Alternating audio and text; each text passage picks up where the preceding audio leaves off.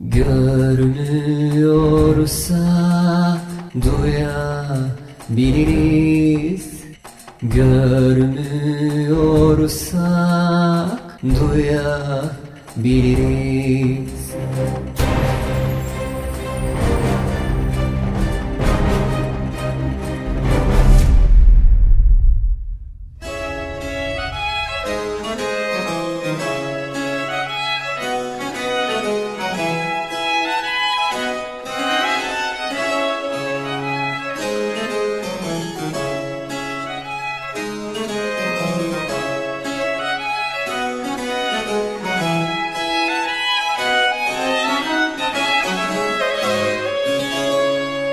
Sokak hayvanlarının sorunları ile ilgili hangi hayvan severe mikrofonunuzu uzatsanız pet shoplarla ilgili muhakkak bir serzenişle karşı karşıya kalırsınız. Pet shoplar ülkemizde hayvanların ihtiyaçlarının karşılanacağı yan ürünlerin satışının yapıldığı dükkanlar olmalarının yanı sıra canlı hayvan satışının yapıldığı ve özellikle yurda kaçak getirilen hayvanların satışının yapıldığı dükkanlardır ve bu durum toplum vicdanını rahatsız etmektedir. Özellikle de bu dükkanların hayvanlar açısından fiziki şartlarının yetersiz ve kötü olması durumu daha da ciddi kılmaktadır. Şimdi pet shop gerçeğiyle ilgili görüşlere kulak verelim. Pet shoplar maalesef e, birçoğu hem kaçak hayvanların satıldığı yerler. E, biliyorsunuz Türkiye'ye e, resmi hayvan girişi yok. İthal giriş yok. Hepsi kaçak hayvan. Bu bakımdan bir kere mevzuata e, aykırı yerler. İkincisi oradaki ufak kafeslerde bakılan köpekler bir takım psikolojik sorunları da yaşıyorlar. Örneğin e, bir köpek için, yavru köpek için en önemli şeylerden bir tanesi e, dışkısını bulunduğu yerden uzağa yapmaktır. Veyahut da annesinin eğer gidemeyecek kadar ufaksa annesinin temizlemesidir anında. Yoksa o köpek e, bir kere tuvalet terbiyesini anneden alması gereken tuvalet terbiyesini alamaz. Almışsa bile orada unutur. Eve gittiğinde de bir kere tuvalet terbiyesi bakımından sorunlar yaşar. Hatta dışkı yemeye başlar. Ayrıca genelde burada iki ayını tamamlamamış anneden erken ayrılmış köpekler olduğu için onları gelecekte bir takım hem davranışsal hem de fiziksel sorunlar beklemektedir. Bu bakımdan da uygun değildir. Tamamen ticari yerler olduğu için onlar da tabii ki bu satıcılar maalesef kar amacı gütmektedirler. Köpek onlar için maldır. Ee, diğer bir maldan da farkı yoktur. Kar getirecektir. E şimdi bu zihniyetin olduğu yerde hayvanların iyi bakılması, onların psikolojilerin, refahlarının ön plana çıkartılması diye kaygılar yoktur. O yüzden pet shoplar maalesef ki çok iyi olan e, yerler birkaç tane ben biliyorum. Onları tenzih ederim. Genellikle e, maalesef e, hayvanlar için hiç uygun yerler değildir. Hayvanlar orada satılmamalıdır. Ve zaten aslına bakarsanız bu bahsettiğimiz popülasyonu yönetecek idare her hayvanın muhakkak çipli olarak kimliklendirilmiş olarak satılmasını ve gittiği yerde de e, sokağa atılmasını engelleyecek bir takım cezai yaptırımlar getirilmesini e, sağlamalıdır. Şimdi burada e, rastgele köpek satışları oluyor. Hepsi çipsiz. Çipli olsa da bir takip sistemi yok. O nedenle bunlar e, zaten bir takım psikolojik sorunlara sahip olduğu için kolaylıkla sokağa atılıyorlar. Eskiden bizim sokaklarımızda ülkemize özgü köpeklerin kırmalarını görürdük. E şimdi bakıyoruz ki hepsi golden kırması, terrier kırması veyahut da saf e, goldenlar, terrierler vesaire böyle hayvanlar dolu. Neden? Bunlar işte pet shop kaynağıyla gelen ve sokağa atılan köpekler. Bu yüzden e, pet shopların hayvan satışının engellenmesi taraftarıyım.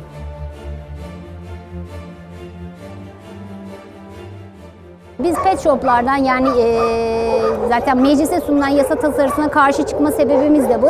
Çünkü pet shoplarla ilgili hiçbir denetim yok, hiçbir e, yasal hüküm yok. E, bizim önerimiz 10 yıl süreyle yani bu kolay bir rakam değil ama 10 yıl süreyle tüm pet shoplardaki köpek satışının yasaklanması ve yurt dışından köpek girişinin, ithalinin yasaklanması. Çünkü bunlar e, maalesef çoğu kaçak. E, Tarım Bakanlığı'na sorduğunuz zaman vergi geliri olması gerekiyor. Yurt dışından hayvan geliyor ya sıfır. Resmi olarak soruldu. E, yani yasal olarak soruldu. Fakat e, gelen cevapta hiç kayıt yok. Halbuki bütün gördüğünüz AVM'lerde e, hayvanlar var. E, Birçok pet shop'ta hayvan satışı var. Bunların hepsi gayri resmi yolla olan şeyler. Bu hayvanları biz buradan sahiplendirirken insanlara bütün detaylarını anlatıyoruz. Bir köpeğin 10-15 yıl yaşayacağını, aynı bir çocuk gibi bakımının olacağını, bunun bir masrafının olacağını, tatile giderken ne gibi sorunlar hepsini anlattıktan sonra veriyoruz. Yine de tabii sözleşmeyle veriyoruz. Yine de bir 20 gün, bir ay içinde bir sorun olursa iade şansının olduğunu söylüyoruz. Ama pet shoplar bunu yapmıyor. Maalesef ticari kurumlar olduğu için sadece köpeği satışını düşünüyorlar. E, yavruyken çok tatlı köpek yani tüm zorluklarına rağmen çok güzel ama bir türlü insanlar evlerinde her türlü eşyaya yer buldukları halde irileşmiş bir golden ya da e, irileşmiş köpeklerine yer bulamıyorlar. E, tabii bakımının zor olduğunu görüyorlar. En kolayı da sokağa atmak oluyor. Yani sokaklarda bu kadar e, ırk hayvanın olması e, zaten bu şekilde açıklanıyor. Dolayısıyla biz pet shoplara maalesef e, sadece işte mama vesaire gibi malzemelerin satıldığı ama kesinlikle canlı hayvan yani zaten canlı hayvan üzerinden kar elde etmek yani hakikaten anlayamadığımız bir şey. E, Bunun kesinlikle yasaklanmasını istiyoruz. En azından 10 yıl süreyle. Yani görülecektir ki e, o zaman bütün barınaktaki hayvanlar yuva bulacaklar e, ve şey e, çok daha sorun e, kolay bir şekilde çözülmüş olacak. Şimdi e, İstanbul'da ya da Türkiye genelinde söylemek gerekirse sokak hayvanlarının popülasyonun kontrol altına alınmamasının en büyük nedeni e, kontrolsüzce üretilen ve satılan süs hayvanları. Süs hayvanları derken evcil hayvanlar, kediler, köpekler. E, bunların çoğu zaten yurt dışından kaçak yollarla getiriliyor. Bavul ticareti diyoruz biz buna. Eski Doğu bloku ülkelerinden bavullarda e, annelerinden yeteri kadar süt almadan küçük getiriliyor. Çünkü küçük daha şirin, daha kolay satılıyor. Hayvanlar bavullarda getiriliyor. Bunların yarısı telef oluyor yolda ama önemli değil. Zaten yani 20 dolara falan mal ediyor bunu. Burada gelip pet shopları 300-400 liraya satıyor. Pet shop da onu 1000 dolara satıyor. E, ondan sonra da adam gidiyor Antalya'da tatilini yapıyor. Sonra gidiyor tekrar hayvanları alıyor getiriyor. Biz bu yurt dışından gelen e, kontrolsüzce içeriye ülkemize sokulan hayvanları engellemek için bütün gümrüklerde kampanyalar yaptık. E, görseller hazırlattık değişik dillerde. Büyük büyük bunları astık. Hatta Atatürk Havalimanı'nda hala vardır panolarda. Bunun bir suç olduğunu, hayvanların e, kaçak olarak yurda sokulmaması gerektiğiyle ilgili ama ne yazık ki bunun cezası fazla yok ya da ceza alıyorlar mı almıyorlar mı yakalandıkları vakit bilemiyorum tabii. Ve böyle bir kontrolsüz giriş var. Pet shoplarda merdiven altı üretimi var. Yani yasal olmayan merdiven altı dediğimiz kötü koşullarda ya da üretim çiftliklerinde e, üretimler oluyor. Bu üretim çiftliklerinde özellikle damızlık olan hayvanlar e, çok küçük beton e, demir parmaklıklı odalarda karanlık gün yüzü görmeden ayağını bir kere bile toprağa basmadan bütün hayatları boyunca doğuruyorlar. Doğuramadıkları vakitte öldürüyorlar. Ee, ondan sonra hayvan e, yavruları alınıyor. Bunların aşıları yok tabii ki ve birçok kişi de pet shop mağduru biliyorsunuz. Hastalıklı hayvan alıyorlar vesaire. Bunun dışında e, niye sokak hayvanı popülasyonu kontrol altına alınmıyor diye düşünürsek pet shoplar dedik. E, üretim çiftliklerinden sınırsız satış dedik. E, yurtta kaçak giriş dedik. İnternette bir sürü siteler var şu anda. Hayvanları çiftleştirme siteleri. E, bunlar var. Bunun dışında e, belediyelerin yapması gerektiği gibi seri ve e, çok fazla miktarda kısırlaştırma yok. Rehabilitasyon yapılmıyor. Bu da yapılmıyor ve halkımız eğitimsiz. Yani eğitim olmayınca bu konuda alıyorlar pet shoplardan karne hediyesi, sevgililer günü. Şimdi sevgililer günü geliyor siz görün. Sevgililer günü sonrası bir ay sonra bütün barınaklarda Golden Retriever patlaması olacak. Çünkü Golden Retriever alıyorlar. Ne oluyor sonra? Tüy dökülüyor. işte havlıyor, tuvalet problemi bilmem ne derken sokağa atılıyor. Ya da çocuğa karne hediyesi diye alınıyor. E, çocuk diyor ki bir süre sonra oynamaktan sıkılıyor. Benim işte dersim var diyor bilmem ne. Ben dolaştırmaya çıkamam, ilgilenemem diyor. Baba diyor ki ben yorgunum dışarı çıkamam. Bu sefer anneye kalıyor. Anne de bir yere kadar sonra hayvan ya sokağa atılıyor ya da bakım evlerine terk ediliyor. Ve o terk edilen hayvanları biz hayata döndüremiyoruz. Çünkü düşünün sıcak bir ortamınız var, güzel koltukta oturuyorsunuz, önünüze yemek geliyor, su geliyor. Böyle bir ortamdan ve e, ölür, ölürcesine bağlısınız sahibinize. Çünkü hayvanlar bizim gibi nankör değil. Yani gerçekten ölümüne bağlanıyorlar.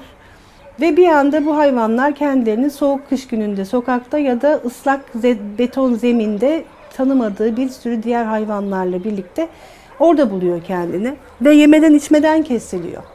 Yemiyor, içmiyor, gözü kapıda. Hep böyle kapıya bakıyor, gelip beni alacaklar mı diye ve ölüyor. Yani bu çok büyük bir dram aslında. Bu konuda birçok kampanyamız var. Ee, en sonuncusu pet diye alıyorlar, pat diye atıyorlar diye. İnsanları bilinçlendirmeye çalışıyoruz. İnşallah e, belli bir süre sonra onlar da durumun vahametini anlayacaklar.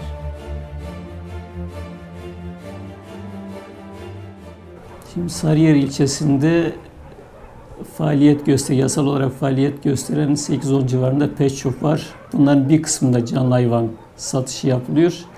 Buralardan satılan hayvanların ilçemize e, fazla bir sıkıntı oluşturma e, gibi bir sorunları yok.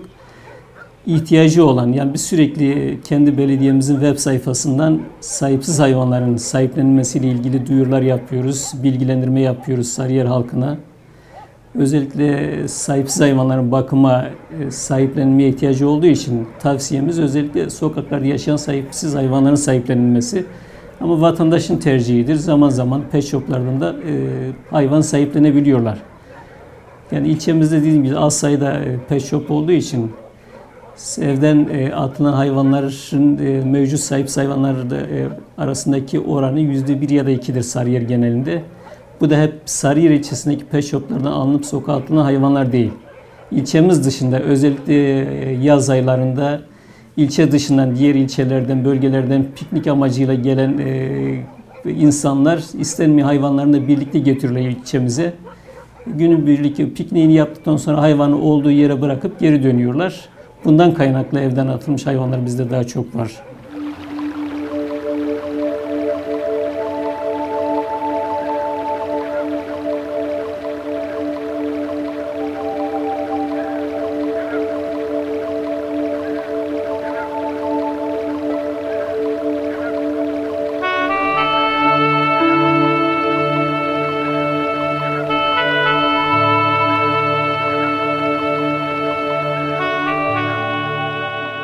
Türkiye Büyük Millet Meclisi tarafından 2004 yılında kabul edilen 5199 sayılı Hayvanları Koruma Kanunu ve yapılması tasarlanan değişikliklere yönelik maddeler son dönemlerde ülke genelinde hayvanseverleri kızdırmış ve bu yönde çeşitli eylemler gerçekleştirilmiştir. Hem mevcut yasa hem de yeni tasarı ile ilgili görüşleri dinlemek, bizlerin de yasal çerçevede sokak hayvanları meselesini daha iyi anlamamızı sağlayacaktır. Bu konuyla ilgili STK'ların yetkililerinin e, endişeleri doğrudur. Çünkü ormanlık alanlara e, bırakılma yönde değil yeni çıkacak olan e, taslak ya da yasa düzenleme sadece uygun alanlarda doğal yaşam alanları oluşturulacak ilgili kurumların, belediyelerin kontrolünde yeterli ekipman sağlandıktan sonra e, mevcut şu anki yasal düzenlemeye göre sokaklara geri bırakılmak ve burada yaşamak zorunda olan hayvanlar mahallelerde, meskun mahallelerden toplanacak, bu merkezlere aktarılacak.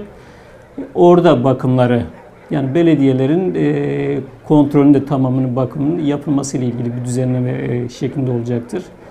Yoksa e, meskun mahallede mahallelerden toplayıp ormanlık alana bırakmak e, şeklinde bir düzenleme değil ve de doğru değil tabii ki.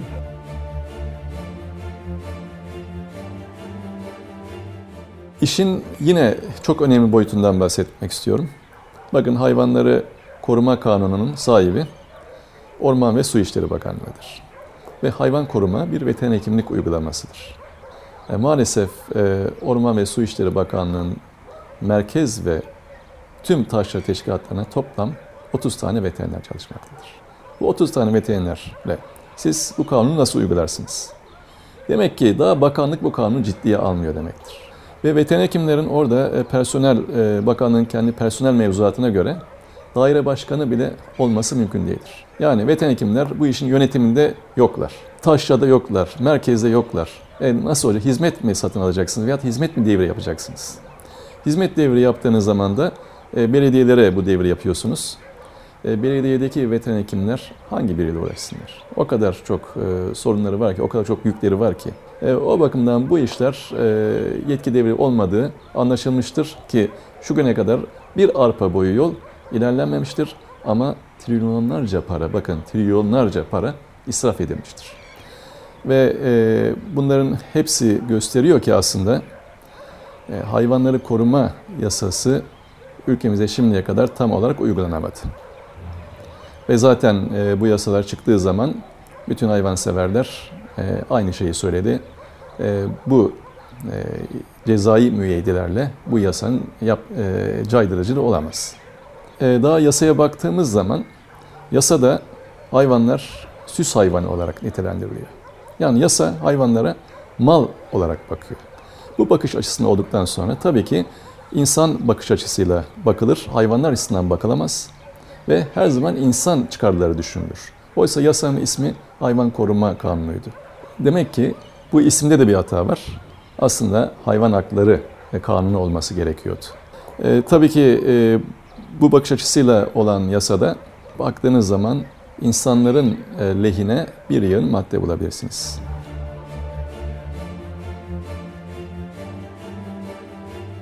...5199 sayılı e, kanuna göre e, bütün belediyeler ilçelerindeki e, hayvanların toplayarak, e, işaretlenmemiş hayvanları toplayarak e, buraya alarak e, kısırlaştırıp aşılayıp tekrar sosyal olanların bölgesine bırakmak zorundalar.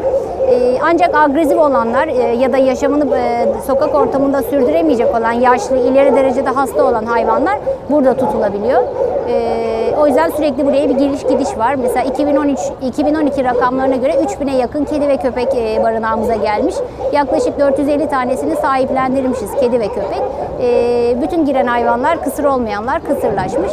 E, aslında tüm belediyeler aynı şekilde aynı sistemle çalışsalar e, Kadıköy Belediyesi 11 yıldır bunu yapıyor. Ataşehir Belediyesi yaklaşık e, işte kurulduğundan beri 4 yıldır yapıyor. Tüm belediyeler İstanbul ve tüm Türkiye özelinde bunu yapsalar aslında sorun çözülecek. Yani yasanın e, uygulaması yapılmış olsaydı şimdiye kadar yasa 2004'te çıktı. Çoktan e, sokak hayvanları sorunu çözülmüştü. Ama maalesef bazı belediyeler bunu yapmıyorlar. E, ne yapıyorlar? Bölge dışına köpeklerini bırakıyorlar. Dönem dönem e, kamyonlarla ya da arabalarla gelip bölge dışına bırakılanlar var. Ormanlık araziye bırakılan köpek çok. Şu anda Bolluca, Pendik, e, Akfırat o bölgelerde çok fazla köpek var. Ev hayvanları var, e, cins hayvanlar var. E, maalesef işte böyle şekilde halının altına süpürerek çözümü e, çözüm yapmaya çalışıyorlar ama bu çözüm değil. Yani yasal mevzuata uyulsa aslında e, uzun vadede nasıl uzun vade 10-15 yıl içinde sokak hayvanı sorunu en insani yönden çözülecek. Ama bunun yanında çok iyi bir de sahiplenme yapmamız gerekiyor. E, buraya gelen e, sert hayvanları fabrikalara e, işte bahçelere bekçi köpeği olarak veriyoruz. İnsanlara bu yönde e, çağrıda bulunuyoruz. İşte gerek web sitemiz, e, gazetedeki ilanlar, e, amacımız bu zaten. İnsanlar e, parayla köpek sahiplenmesinler, e, barınaklardan köpek sahiplensinler. Çünkü buradaki köpeklerin hepsi aşılı, e, sağlıklı, en önemlisi ücretsiz ve e, yani şey e, sadece iyi bir bahçe arıyorlar. E, bunun için insanları e, barınağa çağırıyoruz. Bu şekilde ben çözümün ancak uzun vadede olacağını düşünüyorum.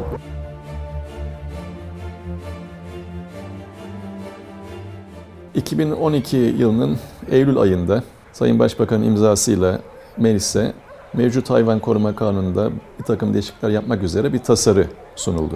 Aslında e, biz böyle bir değişiklik yapılması her zaman arzu ettik. Ama işte sunulan tasarıya baktığımız zaman hayallerimiz yıkıldı gerçekten. Çünkü bu tasarıda öncelikle sokakta hayvan kalmayacak şekilde bu hayvanların büyük toplam alanlara alınması öngörülüyor. E, hatta orada etolojik şartların korunacağı, sağlanacağı gibi gayri bilimsel bir iddia da söz konusu. Çünkü bir köpeğin etolojik ihtiyacı ancak insan yanında karşılanabilir. Öyle gözlerden uzak e, binlerce köpeğin içerisinde olduğu yerlerde olmaz. Bu hayvanlar oradan sahiplenilemez, ömür boyu orada kalır. Bu hem köpek açısından hem ülke kaynaklarını israf etmek bakımından da hiç olumlu değil. Çünkü e, sokaklarda iyi kötü bu hayvanlar tabii ki bu mevcut yapıyla değil de e, taşıma kapasitesine uygun şekilde, mahallenin taşıma kapasitesine uygun sayıda olduğu takdirde bu hayvanlar oradaki esnaf tarafından, oradaki gönüller tarafından zaten besleniyor ve devletin e, üzerine bunlar yük olmuyor. Ama orada çok ciddi bir şekilde yük olacaktır. Ayrıca bu yasa şunu getiriyor. E, tehlikeli ırk denilen hayvanların toplanıp yine bakım evine alınması. Yani bu sayıyı hiçbir zaman doğru telaffuz edemedi resmi kurumlar. Oysa bu tehlikeli ırkların Pitbull ve Dogo Argentina'nın sadece iki ırkın melezleriyle birlikte toplam sayısı 50 bine yakındır. Ee, bunların hepsi evlerinde sahipleri tarafından bakılmaz bakılırken siz 50 bin köpeği alıp yine devletin üzerine büyük olarak e, getireceksiniz. Bu da korkunç rakamlardır. Gerekçelere gene baktığımız zaman Avrupa'da işte sokaklarda hayvan olmadığı söyleniyor. Şimdi ben e, bunu kabul edemiyorum. Gerek e, insanlara gerek hayvanlara en büyük günahların işlendiği Avrupa ile benim e, bir zamanlar günah diye bit ve pire bile öldürmeyen toplumumu nasıl eşdeğer sayıyorsunuz? Bunu anlam veremiyorum. Bir zamanlar Avrupa'da kediler ayinlerde yakılıyordu canlı canlı. Ama benim ülkemde e, hayvanlar öyle güzel bakılıyordu ki yabancılar hayran kalıyordu. Hatta kızıyorlardı bir hayvana bu kadar değer verilir mi diye. E, biz öyle bir ecdadın torunuyuz. Şimdi bize yapılan bu muamele hiç hoş değil ki. Birkaç kere biliyorsunuz tarihimizde Osmanlı'nın son dönemlerinde yaşanan hayırsız ada vakaları vardır. Aynısı olacaktır ve bunlar ülkemiz tarihine kara leke olarak geçecektir. Ve tabii ki e, bunun da e, sorumlusu maalesef eğer yapılırsa, inşallah yapılmaz böyle bir hata, şu anki hükümetimiz olacaktır. Ve halkımız hakkını hiçbir zaman helal etmeyecektir. Çünkü e, hayırsız ada vakalarını yapan Osmanlı'ya da e, halkımız hakkını helal etmemiştir. Hatta bu vaka sonunda çıkan savaşların sorumlusu olarak hep o hayırsız ada vakası gösterilmiştir halk tarafından. Halkımız evlerinde çok hayvan bakmayabilir ama her zaman yaşamdan yanadır. Birkaç tane istisna sesi çok çıkan, hayvandan korkan insanın feryatları e, bizim bu gerçeğimizi bozmaz. O yüzden e, bu maddenin kesinlikle kalkması yani çok önemsiyoruz. İkincisi e, tekrar tehlikeli ırklara döneceğim. E, Dog Arjantina Pitbull dışında iki ırkımız daha yasaktır. Fila Brasilerio ve Tosa Inu. Şimdi Fila Brasilerio ve Tosa Inu Türkiye'de toplasanız 50 tane yoktur. E, şimdi bu ırklar nasıl seçildi? Niye bu ırklar seçildi? Bu bir gerçekten enteresandır. 2008 yılında bir komisyon toplanıyor ve bu ırkları yasaklanmasını uygun görüyor. Ellerinde bu ırkların e, tehlikeli olduğuna dair. Pitbull'u saymıyorum. Onun tehlikeli olduğunu kabul ediyoruz. Ama Pitbull'un ırk olarak değil, eğer yanlış insanların elinde olduğu takdirde tehlikeli olduğunu kabul ediyoruz. Önce onu belirteyim. Ülkemizde bu katları var. Fakat Dogo Argentino'nun, Fila Brazilia'nın, Tosa Ino'nun ülkemizde hiçbir vukuatı yok. Ama bakıyoruz başka ırklar var. İnsan ölümlerine sebep olmuş. E, kangalımız dahil çocuk ölümlerine sebep oldular. E niye bu ırkları, hiç vukuatı olmayan ırkları seçtik? Çünkü hiçbir bilimsel veriye, hiçbir istatistik veriye dayanmadan seçti o komisyon. Niye seçtik diye sorarsak şu cevabı alıyoruz. E, İngiltere'yi örnek aldık. Ya şimdi İngiltere'nin yapısıyla ülkemizdeki yapı aynı mı? Artı eğer bir başka ülkeyi taklit alacaksak niye komisyon kurduk? Bunu e, normal bir vatandaşımıza da sorardık hangi ülkeyi taklit edelim? Ederdik. E, işin böyle bir trajikomik yanı da var. Dört ırkı yasakladık. Amaç insanların ısırılmasının engellenmesi ise bu dört ırkı yasaklamakla bitecek mi iş? E, bir yığın ırk var. E, daha tehlikeli ırklar var. Demek ki olayı ırk bazından çıkartıp köpeğini tehlikeli şekilde eğiten, bakan hayvan sahiplerine dayandırmak gerekiyor. Yapılması gereken de budur. Bugün dünya ısırma ve öldürme istatistiklerine baktığımız zaman köpekler tarafından ufak bir Pomeryan'ın, Terrier'in bile insan öldürdüğüne şahit oluyoruz. Ki bunun sayısı Dogo Argentino kadar var. Yani Dogo Argentino daha fazla kişiye zarar vermiş değil. E demek ki biz ırk yerine uğraşmak yerine sahiplerine belli kurallar getirmemiz gerekiyor. Gücü nedeniyle tehlikeli olabilecek hayvanları bakanlara daha ağır şartlar, daha sınırlamalar getirmemiz gerekiyor. Ve bugün bizim de üye olduğumuz e, ülke olarak Avrupa Veteriner Hekimler Federasyonu resmi sitesine bakın. Dünyada hiçbir köpek ırkı tehlikeli olarak nitelendirilemez. Bunu dayandıracağımız hiçbir bilimsel veya istatistik bilgi yoktur der. E gerçekte budur. Yanlış bir internet efsanesi bu köpekler genetik olarak agresifmiş. Bu köpekler laboratuvarda elde ediliyormuş. Böyle hiçbir şey yok. E, bu ne köpekler genetik olarak agresif ne de laboratuvarda üretilmemişlerdir. Ha, e, dövüş için pitbulllar melezlenmiştir. Dövüş yeteneği artsın diye. Ancak e, dövüş köpeklerinde aranan bir özellik vardır. O da köpekle kavga etsin. Hakeme dokunmasın. Eğer insanlara da tehlikeli olacaksa e, zaten o dövüş köpeği olamaz. Ayrıca e, bu ırkı gelişen Amerikan Pitbull Terrier dediğimiz e, dünyada hakikaten e, en fazla ölüm vakasına yol açan ırkı e, geliştiren Amerikan Kennels Club şöyle yazar bu ırk hakkında. Bekçi köpeği olamaz çünkü insanlara çok yakındır. Ama köpek çok güçlüdür. Gerçekten çok güçlü.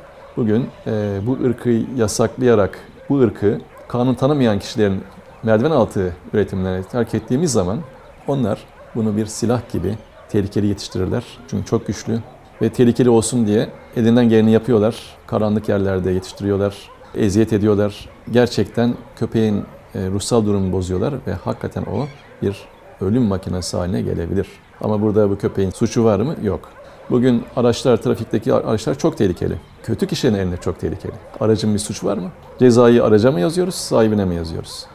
Burada da yapılması gereken budur. Bugün pitbulllar e, istenildiği zaman arama kurtarma köpeği olabiliyor. Örnekleri var. İnsan kurtaran pitbulllar var. Şimdi tüm ülkede e, pitbulllar tehlikeli mi? Hayır. Bir e, araştırma yapalım. Bize bu imkanı tanısınlar. Test yapalım, mizaj testi yapalım. İnanın %90'ı masum çıkacaktır. Ve öyle masum köpekler görüyor, görüyoruz ki bunu en çok tabii ki veteriner hekimler görecektir. E, oturduğu yerde yasa hazırlayan bürokratlar bunu görmez. Yani bebek bakar, bebek bakıcısı olur. Çünkü canları da kolay yanmayan hayvanlar. E, bebek ona zarar verirse umursamaz. O yüzden İngiltere'de dadı köpek olarak kullanılmış bunlar. E şimdi bu köpekleri, bu masum köpekleri sahiplerinden almak, bir barınağa tıkmak insan haklarına da aykırı bir şey. Mülkiyet haklarına da aykırı bir şey. Ve tabii ki göreceksiniz eğer böyle bir şey çıktığı zaman büyük olaylar olacak. Onu evladı gibi seven insanlar vermemek için çok direnecekler, vermezler. Evladı gibi seviyorlar. Masum hayvanı vermek onların asla akıllarına sığmayacak bir şeydir. Ve bunu istemek de çok büyük haksızlıktır. Ama e, şuna razıyım. Yapılsın testler. Gerçekten tehlikeliyse alınsın. Buna razıyım. Ama şimdiye kadar maalesef bizim kolluk kuvvetlerimiz köpek dövüşlerine engel olmadılar.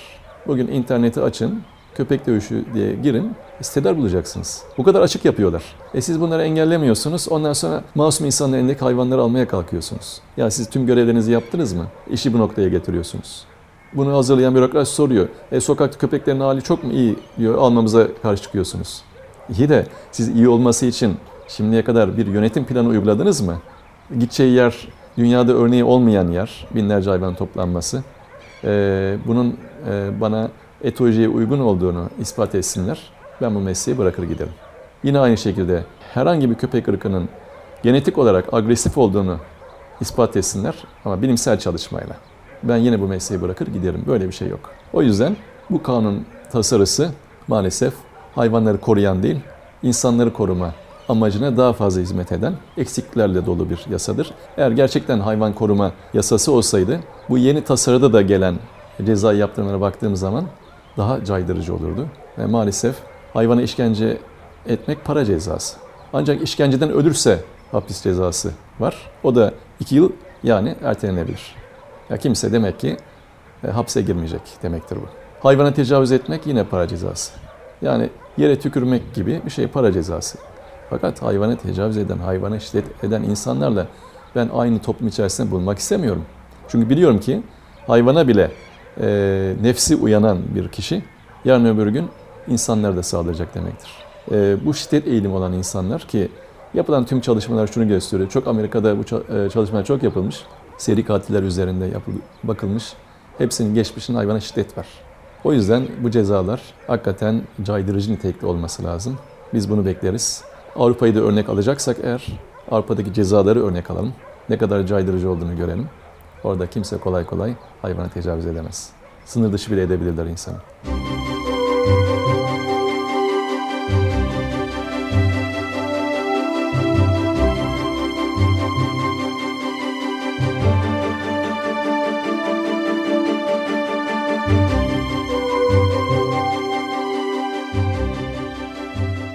Sokak hayvanları ile ilgili bazen insana üzüntü veren, bazen de umutlandıran hikayeler de çokça dile getirilir. Bunlardan bazılarını sizler için kaydettik. Şöyle bir şey, bir veteriner hekim olarak bir e, canlının tedavisini yapıp onu iyileştirip e, onu tekrar koşarken, yürürken, yemek yerken görmek büyük bir mutluluk. E, tabii hani bir hiçbir şey yapamayıp da hani bütün yaptığınız tedavilere rağmen işte onun ölmesini görmek de büyük bir hüzün işin açıkçası. Son zamanlarda yaşadığım en mutluluk verici şey şu olmuştu. Küçük bir kedi vardı. Ayaklarının üzerinden tren geçmiş. Ön iki kolu e, büyük oranda hasar görmüş. Artık kullanılmayacak oranda hasar görmüştü. E, ve onun her iki kolun ampute edilmesi gerekiyordu ama ampute edilirse bu sefer de e, şey yapamayacaktı. Hani çünkü amputasyon işlemi e, gövde yakın kısımdan yapılacaktı. Yani öyle düşünülüyordu. Hani yaşayamayacaktı. Yani o zaman çünkü bir şey yapılamayacaksa eğer kendi kanunda onu söyler. Yani yapılan bütün müdahaleler ve tedavilere rağmen eğer ki canlının yaşamı sağlanamıyorsa yaşam refahı sağlanamıyorsa o zaman ötenazi hakkı kullanılır. Buna da işte veteriner hekim karar verir. İşte en sevmediğimiz noktada o işin özü. Öyle bir hastamız vardı ve hani yapacak bir şey yoktu. Hani ötenazi yapmayı artık düşünüyorduk. Sonra gönüllerle hani konuştuk böyle böyle işte bir durum var vesaire. Ee, hani başka da çözüm yok diye düşünüyorduk ama hani son bir kez e, kendi operasyon yaptığı cerraha da bir soralım diye söylediler. E, cerrahın yaptığı güzel bir şey vardı. Yarım amputasyon yaptı. Yani yarım dediğim kökünden değil de daha uç kısımlarından aldı. İşte oradan destek olsun diye bazı kasları falan bırakıp üstüne birleştirdi vesaire. Şimdi o kedi sahiplendirildi. Bir evde yaşıyor ve hoplayıp tavşan gibi hoplayıp zıplıyor. Yani bacaklarının yarısının olmamasına rağmen hani yürüyüp koşup hoplayıp zıplıyor. Onun da işte sahiplenen kişi daha sonra kediyle birlikte buraya geldi işte. Bende onun eski resimleri vardı. Ben buraya gelen birçok hayvanın ilk halini ve son halini resimleyip hani bir hikaye gibi kendi bilgisayarımda tutuyorum. Onu da mesela ilk resimlerini almıştım, tedavi sürecini tutmuştum. Daha sonra operasyon oldu gitti. Onun resimlerini falan da aldım. En son şimdi sahiplendiği yerde evindeki mutlu haldeki resimleri falan var. Hani öyle baktığınız zaman hani ilk geldiği halde işte çok perişan bir halde, işte üstünden çok trajik bir şey olmuştu. Tren geçmiş, ee, ayakları yok, paramparça, işte ızdırap çekiyor vesaire filan.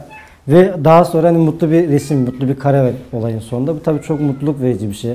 Hatta mesela geç bugün işte Pınar Hanım getirdi. Bu kedinin mesela dudağının yarısı yoktu. Küçükken geldi buraya. Üst dudağının yarısı yoktu. Uzun bir süre burada tedavi gördü. Ee, daha sonra bunu sahiplendirdik. Şimdi bir kitapçıdaymış. Arkasına da işte kitapçı şey yazmış. Okumuş kedinin hali başka olur diye bize göndermiş. Şimdi o şeyin yarısı büyük bir oranda kapanmış. Yani üst çenesinin yarısı yoktu esasında. Şimdi o büyük bir oranda kapı- kapanmış ve çok da güzel mutlu bir kedi olmuş. İşte bunları görmek insana büyük mutluluk veriyor. Keşke hepsine böyle yardımcı olabilsek ama işte bir yere kadar.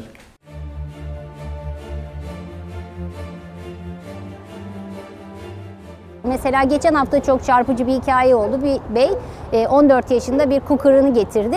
E, Sahipli hayvan e, veteriner hekime götürmesi gerekiyor. Yaşlılığa bağlı sorunları var. Biz de e, veteriner hekimimiz e, kibarca söylemiş. Yani burası sahipsiz hayvanlar için hizmet verilen bir yer.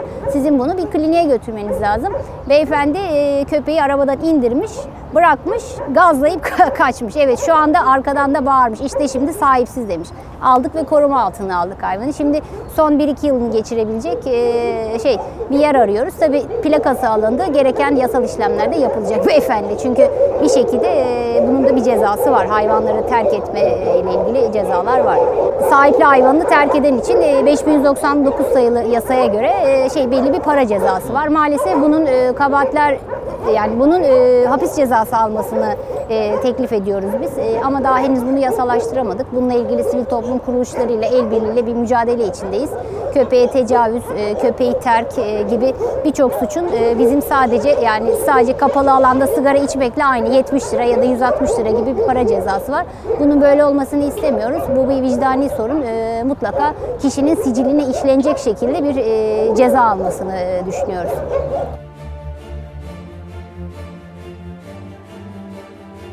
Ben Fatih Belediyesi Yedikule Hayvan Barınağı Gönüllü Yöneticisi Mimar Meral Olcay. E, mimarlıkla hayvan barınağı yöneticiliğine ilgisi var diye e, sorabilirsiniz. Kısaca e, Kader'in beni nasıl e, gönüllü olarak bu işte e, ilgilenmeye e, yönlendirdiğini anlatayım. 1999 senelerinde e, Fatih Belediyesi'ne kontrol mühendisi yaptığım iş yerime göreve giderken trafiğin sıkışmasıyla dağ kestirme olsun diye şu an barınağın olduğu sur dibindeki dar yola girdim.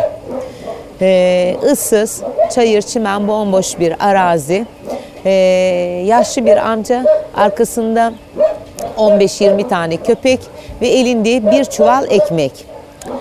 Durdurdum arabamı. Amca ne yapıyorsunuz dedi. Kızım dedi bunları buralara atıyorlar. Ee, ölmesinler diye ben de kuru ekmekle besliyorum. Dedim ki amca kuru ekmekle beslenir mi? Ee, ben buraya çok yakın bir yerde çalışıyorum. Her gün yemek getiririm bu hayvanları. Kısırlaştırırız, aşılarız. Ee, bu hayvancıklar da telef olmamış olur dedim.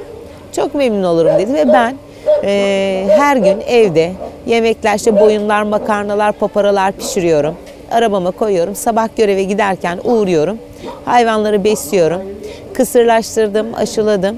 Fakat yaklaşık e, bir ay gibi kısa bir süre içerisinde 15-20 olan sayı 30'lara, 35'lere, 50'lere, 100'lere kadar ulaştı. İki ay sonra sayı 150-200'e ulaştı. Artık arabama yemek sığmamaya başladı. İşin içinden çıkamadım ve o dönemki belediye başkanımız meslektaşım Mimar Eşref Albayrak'a gittim. Ben Fatih bölgesine bir hizmette bulunuyorum ama sizin haberiniz yok. Artık haberiniz oldu. Güzel bir proje çizeyim. Siz temel ihtiyaçlarımızı karşılayın. Biz hayvansever olarak hayvanlarımızın her türlü ihtiyaçlarını karşılarız dedim. Olumlu karşılandı. Ve 2000 senesinde inşaata başladık. 2001'de bir sene süren bir inşaat oldu. 350 köpekle inşaata başladık. Ee, inşaat bittiğinde sayı 750 idi. Şimdi sayımız e, 3000'lere yaklaştı. Geçen 12-13 sene içerisinde. Biz sürekli kısırlaştırma yaptığımız, sahiplendirme yaptığımız halde bu sayı neden bu kadar arttı? Bir e, anormallik var. Bunun tek sebebi insanların barınaklar yerine pet marketlerden köpek satın almaları, yurt dışından köpek siparişi vermeleri.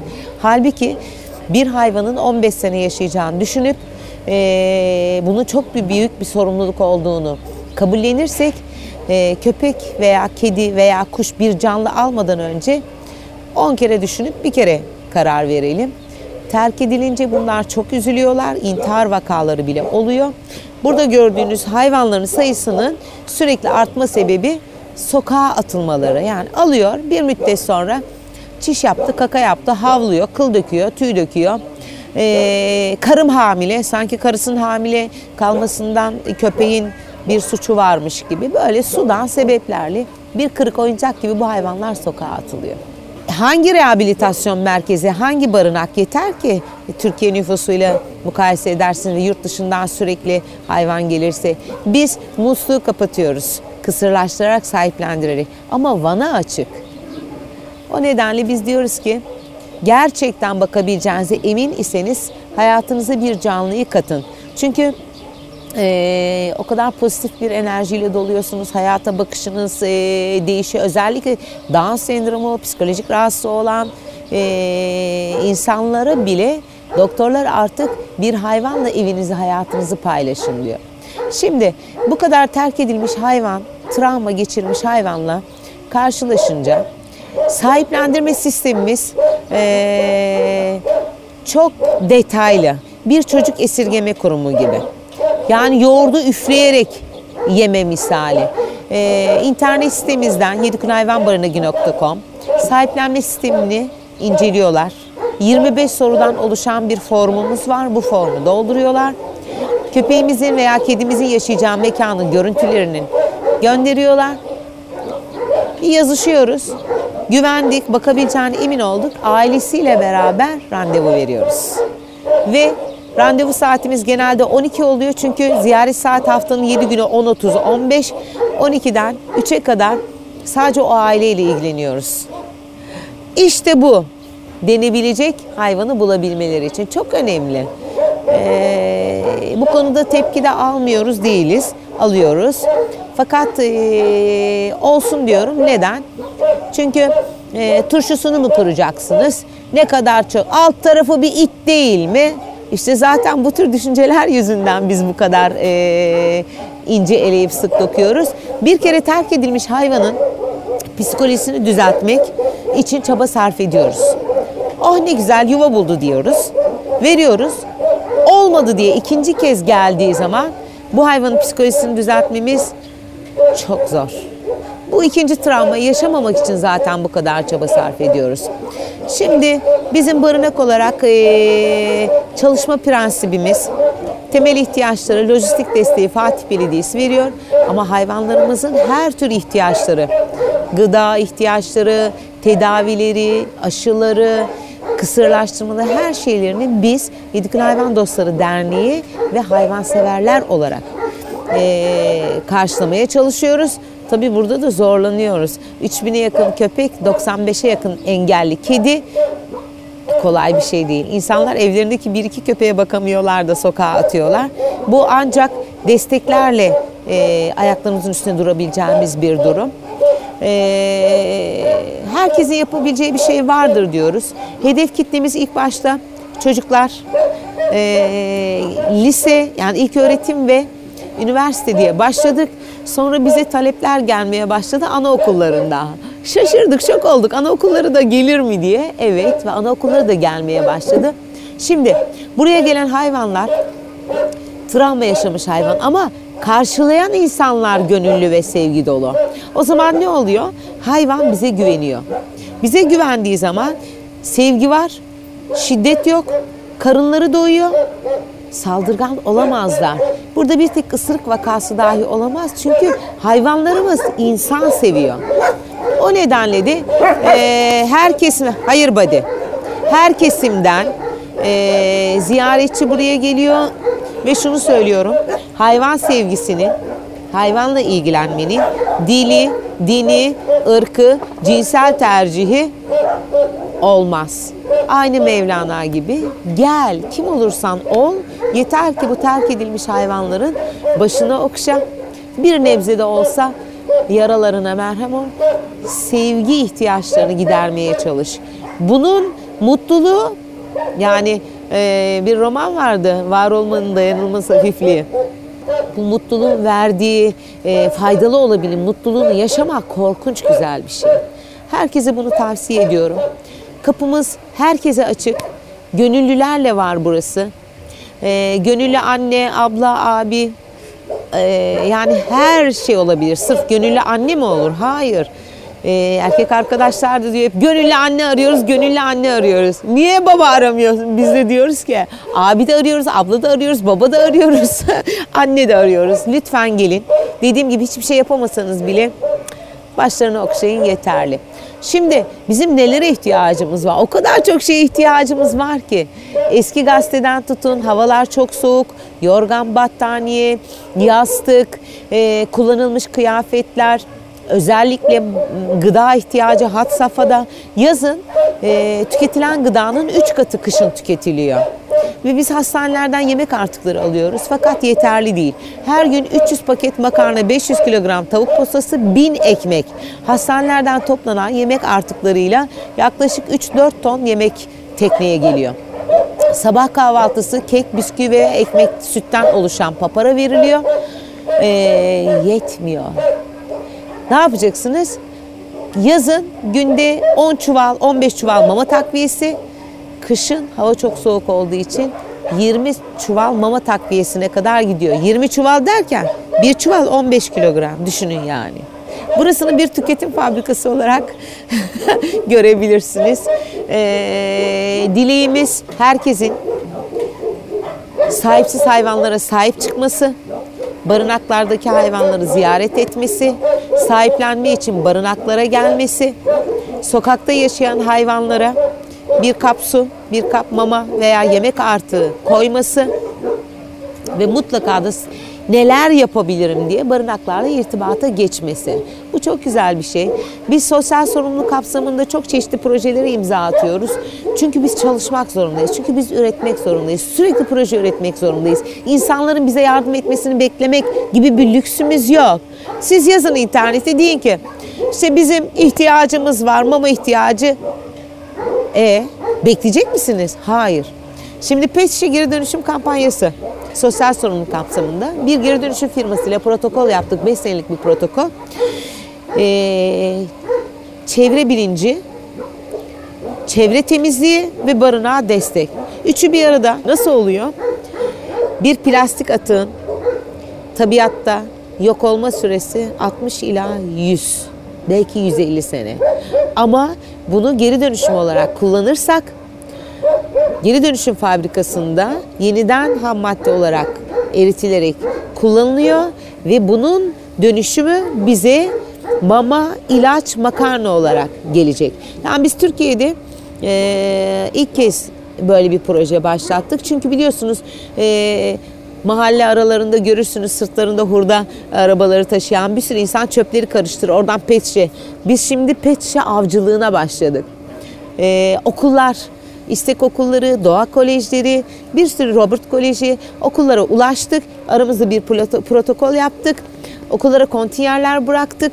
e, kantini var, yemekhanesi var, o pet şişeler, madeni kutuların hepsi çöpe atılıyor. Hayır artık çöpe atılmayacak. Bizim verdiğimiz e, kontinyerlere atılıyor. Birikince haber veriyorlar, aracı gönderiyoruz ve alıyoruz. Firma tartı tutanağını tutuyor ve bunun geri dönüşünde dediğim gibi bizi bir ödeme yapıyor. Biz de ihtiyaçlarımızı karşılıyoruz. Ya yeter ki siz yapmak isteyin mutlaka yapacak bir şey bulursunuz diyorum.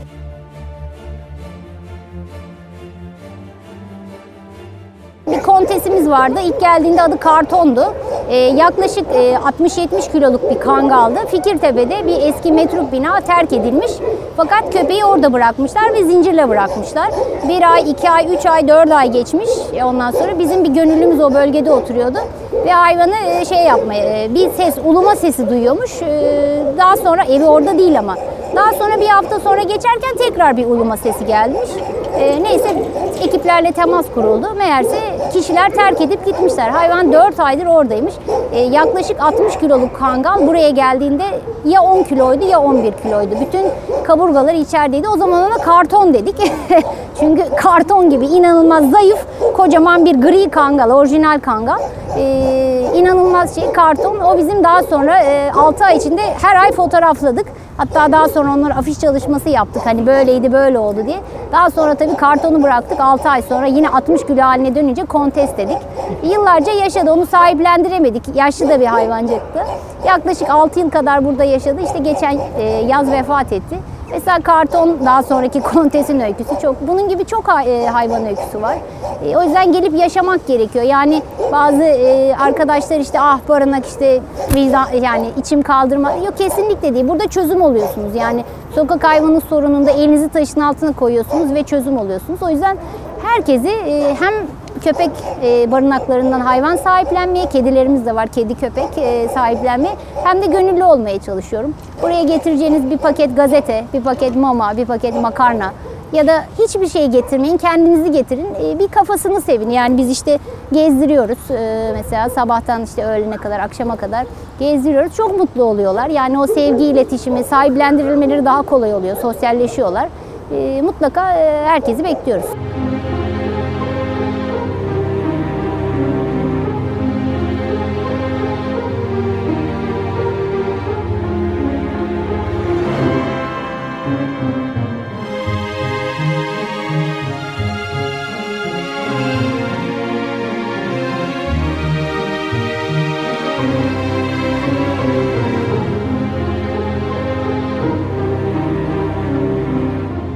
Programımız süresince sokak hayvanlarının sorunları çerçevesinde konuyu çeşitli uzman ve gönüllü hayvanseverlerin görüşlerine başvurarak pek çok açıdan irdeledik ve hem yasal hem vicdani hem de gündelik uygulamalar bakımından mevcut durumla ilgili geniş çerçevede bilgi sahibi olduk. Şimdi ise işin en önemli boyutu olan sokak hayvanlarının sorunlarına yönelik çözüm önerilerini dinleyelim. Çözüm deyince plansız bir çözüm olmaz ve bilime dayandırılmayan bir çözüm olmaz. Bu işin e, planlı ve bilimsel çözümü yönetim organizasyonunun kurulmasıyla olacaktır. İlk önce e, mevcut hayvan sayısı, bunun bir envanteri çıkacak. Bu hayvanların geldikleri kaynaklar belirlenecek. Bunlar e, daha sonra sokaklarda tabii ki üremesi kısıtlanmış belli sayıda olmak kaydıyla gönüllere hizmetlendikten sonra diğer taraftan hayvanların sokağa atılması engellenecek, kaçak hayvan girişleri engellenecek. Bir de hayvan sahibi olmayan insanların bu modeli daha iyi benimseyebilmesi için eğitilmesi ve bu konuda eğitsel çalışmaların yapılması mutlaka gündeme gelecek. Ben inanıyorum ki Türk milleti eğer anlatıldığı takdirde e, bu hayvanların kendilerine zarar vermediği ve bu hayvanların da e, en az bizler kadar yaşam hakkına sahip olduğu, yani tek taraflı kısırlaştırmayla kısırlaştırmayı trilyonlar harcayarak bu iş çözülmez. Bir bütün olarak ele alınmalı. Onun için tepede bir idare olmalı demiştik. Bu idarede sivil toplum kuruluşları da yer almalı. E, merkezi idarede, idarenin işte bu işle ilgili İşleri Bakanlığı'ndan, Gıda Tarım Hayvancılık Bakanlığı'ndan, Orman ve Su İşleri Bakanlığı'ndan, hatta Çevre Bakanlığı'ndan yetkilerinin olduğu ama bakanlıklar üstü bir idare olması gerekiyor. Hiçbir bakanlığın denetiminde olmayan bir idare olması gerekiyor. İdare edilmedikten sonra bunun çözümü olmayacaktır. Göreceksiniz bu tasarı çıksın. Eğer ki hayvanlar toplansın. Bu iş bitmeyecektir çünkü boşalan sokaklara çevreden daha tehlikeli hayvanlar gelecektir. Şikayetler daha çok artacaktır. Kuduz olayı daha çok artacaktır. Bu yüzden e, bunun bilimsel temellere dayalı bir strateji planı oluşturulması lazımdır. Ama biraz evvel söylediğim gibi biz daha önümüzdeki hedefi bilmezsek, sayısını, büyüklüğünü, kaynaklarını bunları tespit etmezsek e, strateji planı oluşturamayız. Geliş güzel çözümler oluştururuz. E, veyahut da oluşturduğumuz bir çözüm A mahallesine uyarken B mahallesine uymaz.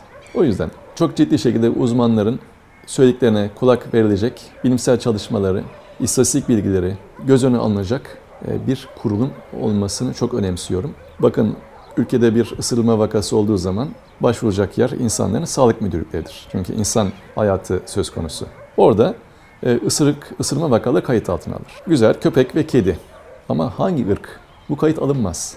Halbuki alınsa elimizde veri olacaktır. İşte o zaman biz diyeceğiz ki şu kadar ırk hayvan Türkiye'de tehlikeli olmuş. Elimizde bir kayıt olacak. Belki bazı ırklar hakkında tedbir almamız gerekiyor ki bu yasaklamak değil aslında. Gerekiyorsa bu kayıtlara bakacağız. Ama biz de maalesef e, bu konuda gerek bilimsel gerek istatistik veri tabanı çok zayıf. Bunun bir an evvel kurulması lazım bu veri tabanının. Bu mikroçiple kimliklendirme hem ev hayvanları hem sokak hayvanları için mutlaka gerekiyor. Bu hayvanların takibi, aşı takibi, atılıp atılmadığının takibi vesaire gibi sebeplerle e, bunu çok önemsiyorum. Ve bütün bunlar olduktan sonra ben sokaklarımızda 3-5 tane köpeğin kimsenin tarafından rahatsız edileceğini veyahut da o köpeklerden rahatsızlık duyacağını sanmıyorum.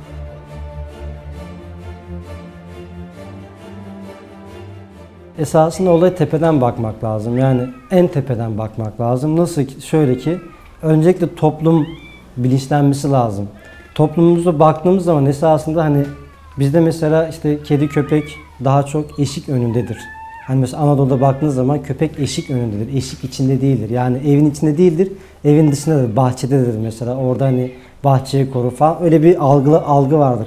Ama Avrupa'da öyle değil. Avrupa'da mesela hayvanlar evin içindedir ve ailenin bir ferdi gibidir. Türkiye'de baktığınız zaman büyük şehirlerde kısmen hayvan sevgisi var. İşte kedi bakılıyor, köpek bakılıyor falan ama temelde esasında toplumun öncelikli olarak bilinçlenmesi lazım. Birincisi hani hayvanlara bakmak, sevmek, e, hani onlara yardımcı olmak. Bunların aşılanması lazım. Bir ikincisi ülkeye hayvan girişinin kontrol altına alınması lazım mutlaka. Halen daha bavullarla kedi köpekler e, yurt içine sokuluyor. İşte büyükbaş hayvanlar keza yine öyle. Ülkemize hayvan girişinin bir kontrol altına alınması lazım. Pet shop'larda hayvan satışının olmaması. Çünkü hani bu şey bir şey hani böyle e, mal gözüyle bakılmaması lazım işin özü. Hani bunun yapıldığı yerlerin birazcık daha kontrollü yerler olması, çiftlikler olması lazım, üretim yerlerinin olması lazım.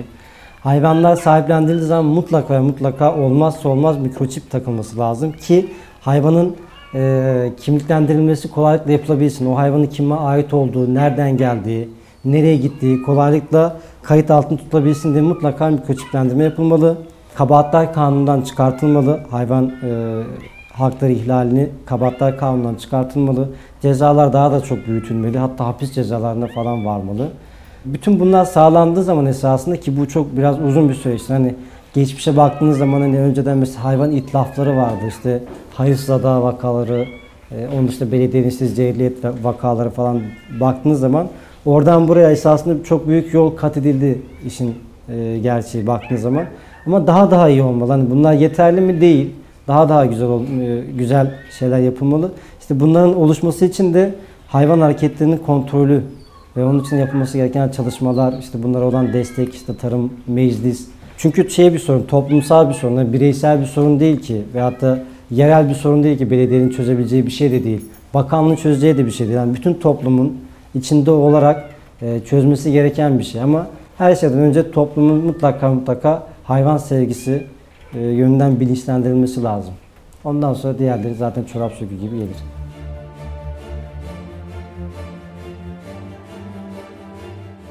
Bir numarada e, şey sahiplendirme diyorum. Yani bir numarada kısırlaştırma tabii.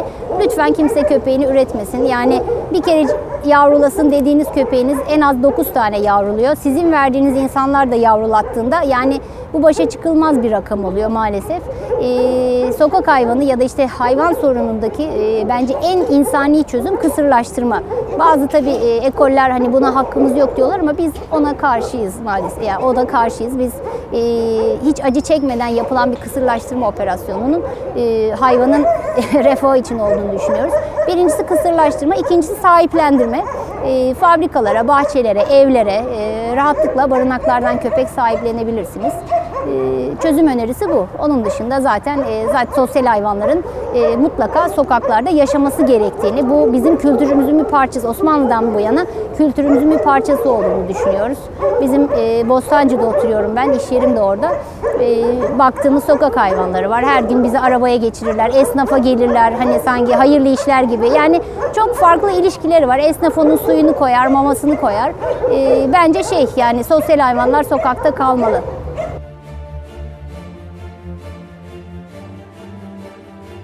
Çözüm önerileri konusuna Hayvan Hakları Federasyonu Yönetim Kurulu üyesi ve Kurumsal İlişkiler Koordinatörü Şebnem Aslan çok daha geniş perspektiften yaklaşarak konuyu sokak hayvanları özelinden çıkardı ve hayvan hakları genelinde çok önemli önerilerde bulundu ve biz de konunun önemi gereği bu önerileri programımıza dahil ettik. Dinleyelim. Biz sadece kedi köpekle ilgilenmiyoruz. Hayvanat bahçeleri olayı var. Hayvanat bahçelerinde e, kendi doğasından alınıp da getirilen küçük beton kafeslerde ömrünün sonuna kadar yaşamaya mahkum edilen e, binlerce hayvan var. Bu yeni yasa tasarısıyla biz isterdik ki hani bu hayvanat bahçelerinin önüne gelen açamasın ama tam tersi herkes açsın diye çok böyle güzel bir madde koymuşlar oraya. Bunun dışında sirk olayları var, gösteri hayvanları olayları var. Ee, biliyorsunuz yunuslar, balinalar, bunlarla ilgili dolfinaryumlar e, mantar gibi çoğalmaya başladı Türkiye'de.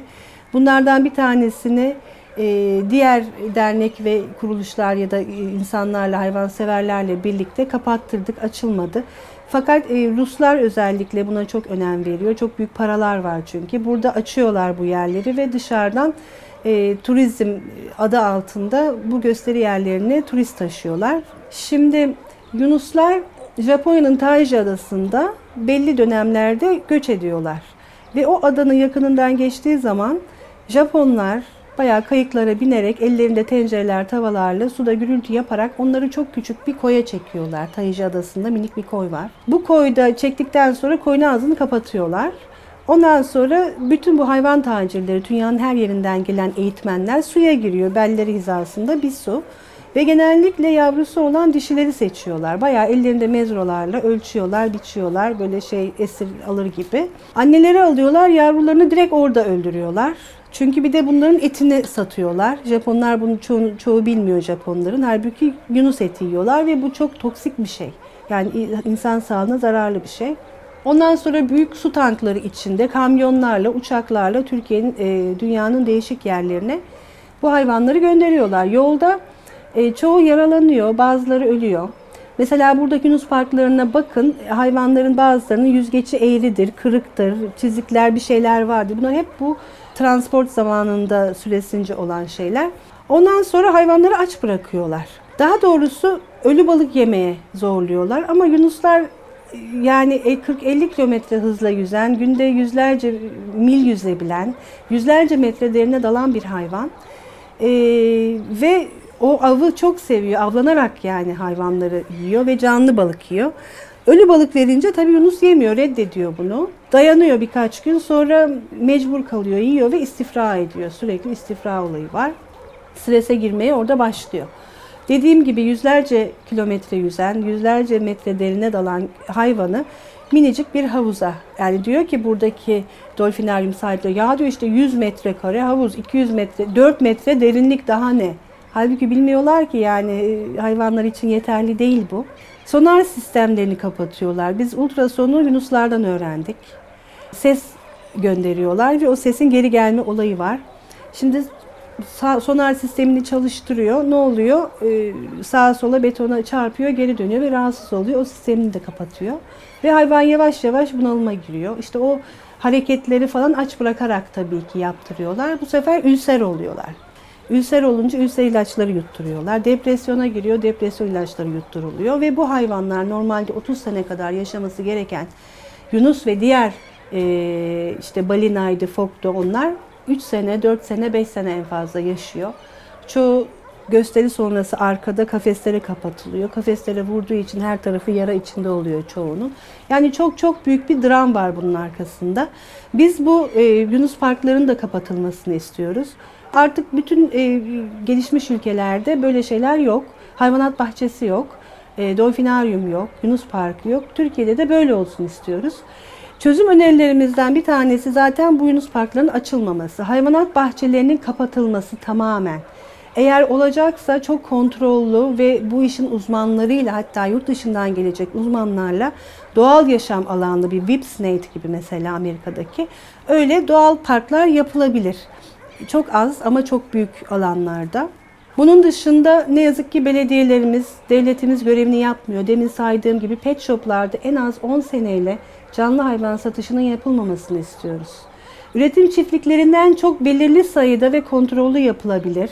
Ama bunun da mutlaka çiplenerek verilmesi, e, sahiplenen insanın kayda alınması. Çünkü hayvanı alıp atıyorlar sonra kimse bulamıyor sahibini.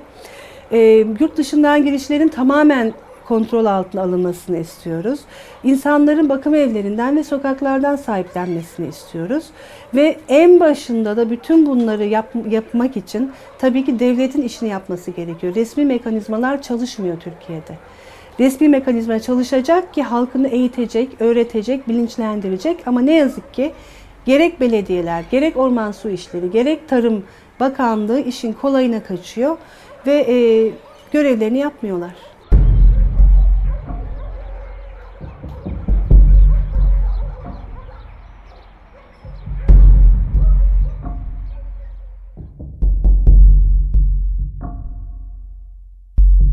Sokak hayvanı olarak nitelediğimiz kediler ve köpekler sokaklarımızda, çöp konteynerlarımızda, caddelerde, kaldırımlarda her zaman bizim yanımızda olan, bizimle yürüyen, bizimle beslenen, kısacası bizimle aynı yaşamı paylaşan, farkında olsak da olmasak da en yakınlarımızdır. Bizler onları evcilleştirdik ve yaşamımızın parçaları haline getirdik. Bizler onların yaşamlarının vazgeçilmez olduk ve beslenmeleri dahi bizim yaşam biçimlerimizle doğrudan ilişkili hale geldi. Kentler büyüdü ve işler daha da karmaşık hale geldi. İnsan yaşamı başka yaşamlara engel oluşturdukça bizim sorumluluk hissetmeden hayatlarımıza devam etmemizin tam adı bencillik. Bu bakımdan sokakta yaşayan hayvanlar için önemli sorumluluklarımızın olduğunu hiçbir zaman unutmamalıyız hayvanseverliğimizin hayvan seçerliğe dönüşmeden tüm hayvanların sorunlarını önemseyerek duyarlı hareket etmemiz de çok önemli. Programın sonunda bir kez daha söylemek istiyoruz ki onlar hayatımızın her alanında bizlerle birlikteler ve bize çok ihtiyaçları var. Bu hayvanlar bize hep bir şeyler anlatmaya çalışmaktalar ancak farklı dilde konuşuyor olmamızdan kaynaklanıyor olsa gerek hala pek çoğumuz onları anlayamamakta. Onları görmüyorsak duyabiliriz. Yeter ki onlara kulak verelim.